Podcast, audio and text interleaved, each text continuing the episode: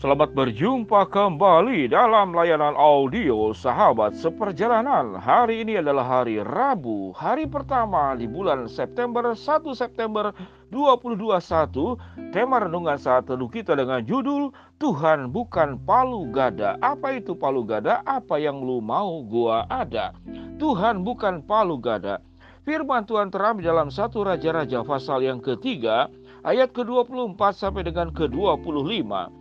Setelah berkata demikian, raja menyuruh orang mengambil pedang. Kemudian raja memerintahkan, "Potonglah bayi itu menjadi dua, dan berikanlah satu potong kepada masing-masing wanita."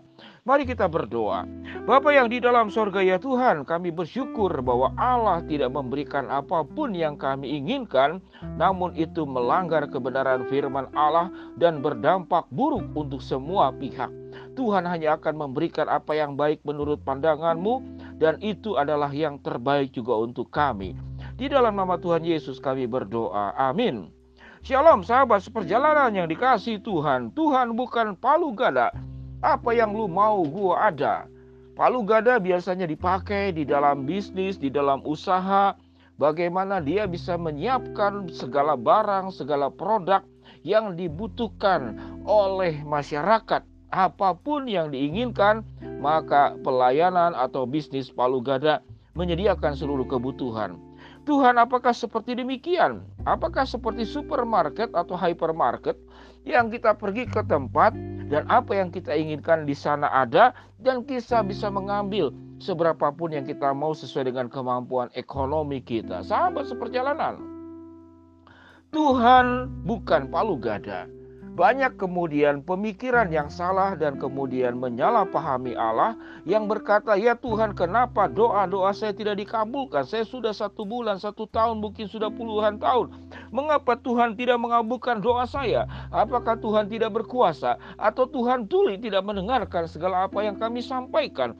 Apalagi dalam kondisi pandemik ini, saya percaya sahabat seperjalanan lebih banyak berdoa dibanding sebelum pandemik. Setuju atau tidak setuju? Saya percaya saudara setuju. Lebih banyak berdoanya. Apakah berdoa itu sesuatu yang pasti benar? Belum tentu benar. Doa itu bisa doa yang benar dan doa yang salah. Dalam peristiwa satu Raja-Raja pasal ketiga ayat 16 sampai ke 28. Di sana ada dua orang wanita yang mengaku bahwa bayinya adalah anaknya sendiri. Alkitab mencatat mencatat dua wanita pelacur menghadap Raja Salomo mereka masing-masing memang melahirkan anak laki-laki yang hanya berselang berbeda sekitar uh, dua hari kemudian. Jadi satu hari uh, satu wanita ini melahirkan, dua hari kemudian melahirkan.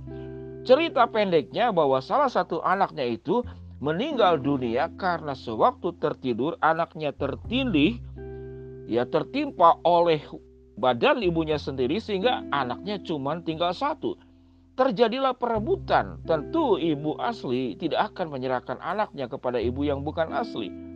Namun ibu yang bukan asli yang memang anaknya itu meninggal karena tertindih oleh dirinya ingin merampas anak daripada ibu yang satunya lagi. Berarti mereka memang berteman, berkawan, mungkin bersahabat sebelumnya. Lalu apa yang terjadi? Permasalahan ini sampai kepada raja. Sampai kepada raja Lalu kemudian mereka ribut saat saat waktu itu saudara tidak ada namanya forensik, tidak ada yang namanya kemudian mengenal golongan darah, DNA dan segala macam, tidak ada tes. Dibutuhkan hikmat untuk menentukan karena masing-masing berebut tentang anak laki-laki ini.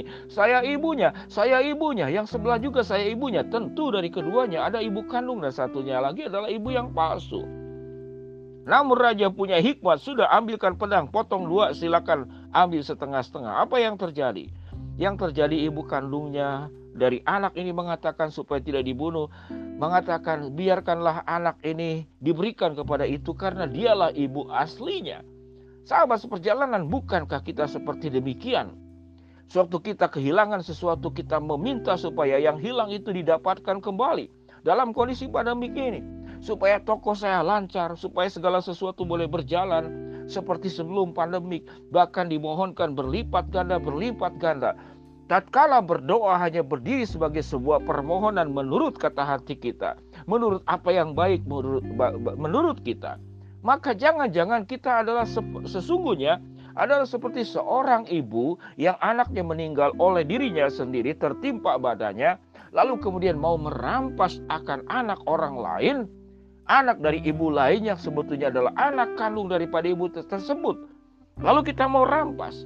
Tentu kita tidak se ekstrim ini. Namun kalau kita belajar tentang berdoa kepada Allah ingat baik-baik Tuhan itu bukan palu gada apa yang lu mau gua ada lalu apa yang lu minta gua harus kasih. Sahabat seperjalanan, betapa berbahayanya kalau setiap doa-doa kita yang menurut pandangan kita baik, lalu semuanya dikabulkan oleh Tuhan. Bayangkan, misalkan, tidak ada orang yang ingin mati, lalu berdoa agar diberikan panjang umur dan tidak mati-mati. Yang terjadi, bayangkan, kalau kelahiran terus bertambah banyak, bertambah banyak, yang terjadi adalah kematian massal. Karena dunia ini, bumi ini tidak sanggup menampung jumlah populasi manusia yang setiap tahun bertambah ratusan juta. Apa yang terjadi? Maka akan mati bersama-sama secara perlahan. Sehingga kematian secara populasi adalah bagian daripada berkat. Agar dunia ini mengalami keseimbangan. Dan kematian bukanlah hal yang buruk. Allah mengajarkan. Sewaktu engkau meninggal, Tuhan berikan tempat di surga. Jadi meminta panjang umur kalau itu dimintakan oleh semua manusia sehingga Tuhan memang menyediakan sebuah sarana yang namanya kematian untuk kebaikan. Kebaikan buat yang masih hidup dan kebaikan juga untuk orang yang sudah meninggal di dalam Kristus. Yang kedua, kalau semua orang berdoa ingin kaya, ingin kaya raya, lalu semuanya kaya raya, apa yang terjadi? Yang terjadi semuanya akan jatuh miskin. Ini adalah hukum. Tatkala semuanya menjadi kaya raya, maka terjadi katakanlah inflasi. Uang menjadi tidak ada gunanya. Bayangkan kalau setiap orang sebut saja sahabat seperjalanan di seluruh Indonesia ini punya kekayaan seluruh dunia. Setiap orang secara rupiah punya kekayaan 2 triliun. Seandainya, maka uang menjadi tidak ada harganya lagi. Semua barang akan meningkat mahal. Mungkin satu potong tahu yang kita bisa beli sekian rupiah, mungkin jangan-jangan satu potong tahu bisa 150 juta. Mungkin saja. Karena uang menjadi tidak ada gunanya. Kalau semua yang kita minta itu dikabulkan, maka yang terjadi apa? Sesungguhnya yang kita sampaikan adalah nafsu kita. Sesungguhnya yang kita sampaikan kepada Allah, kita sedang mengatur Allah dan bukan Allah yang mengatur kita. Kalau semuanya serba lancar, maka yang terjadi kekalutan, kerusakan, keributan, perpecahan, dan hancur dunia ini. Allah mencipta manusia, Allah mencipta alam semesta. Itu di dalam keseimbangan maka kaya, miskin, sehat, sakit, mati, dan hidup. Semuanya ada di dalam pengaturan Allah untuk kebaikan semuanya pihak, seluruh pihak. Sahabat seperjalanan, kalau kita berkaca kepada diri kita, kita mengalami berbagai macam musibah dan masalah. Keterpurukan, kemiskinan, kekurangan, sakit, penyakit, maka berdoalah. Jangan hanya engkau mengajukan, mengucapkan kata-kata kepada Tuhan. Tanyakan kepada Tuhan, apa Tuhan yang engkau kehendaki? Lewat pengalaman-pengalaman hidup yang buruk yang terjadi dalam kehidupan ini. Suatu engkau mendengarkan suara Tuhan dan Tuhan menyampaikan sesuatu kepada engkau. Apa yang lu mau memang Tuhan ada. Apa yang kita inginkan Tuhan sanggup untuk memberikan. Namun ada hal yang jauh lebih baik yang Tuhan pikirkan tidak hanya tentang dirimu, tapi tentang keseimbangan, tentang kebaikan untuk semua pihak. Sahabat seperjalanan, satu hal yang pasti, Tuhan akan memberikan yang terbaik untukmu dan bukan memberikan apa pun yang engkau minta kepada Tuhan. Mari kita berdoa.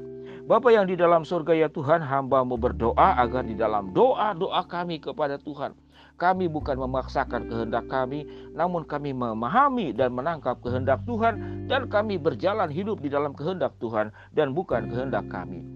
Hamba mau berdoa buat yang sakit Tuhan jamah sembuhkan yang sedang dalam masalah Tuhan bukakan jalan yang sedang berdoa memohon sesuatu Tuhan akan kabulkan sesuai dengan kehendak dan rencanamu dan bukan sesuai dengan kehendak dan rencana kami. Inilah doa kami di dalam nama Tuhan Yesus kami berdoa. Amin. Shalom sahabat seperjalanannya dikasih Tuhan.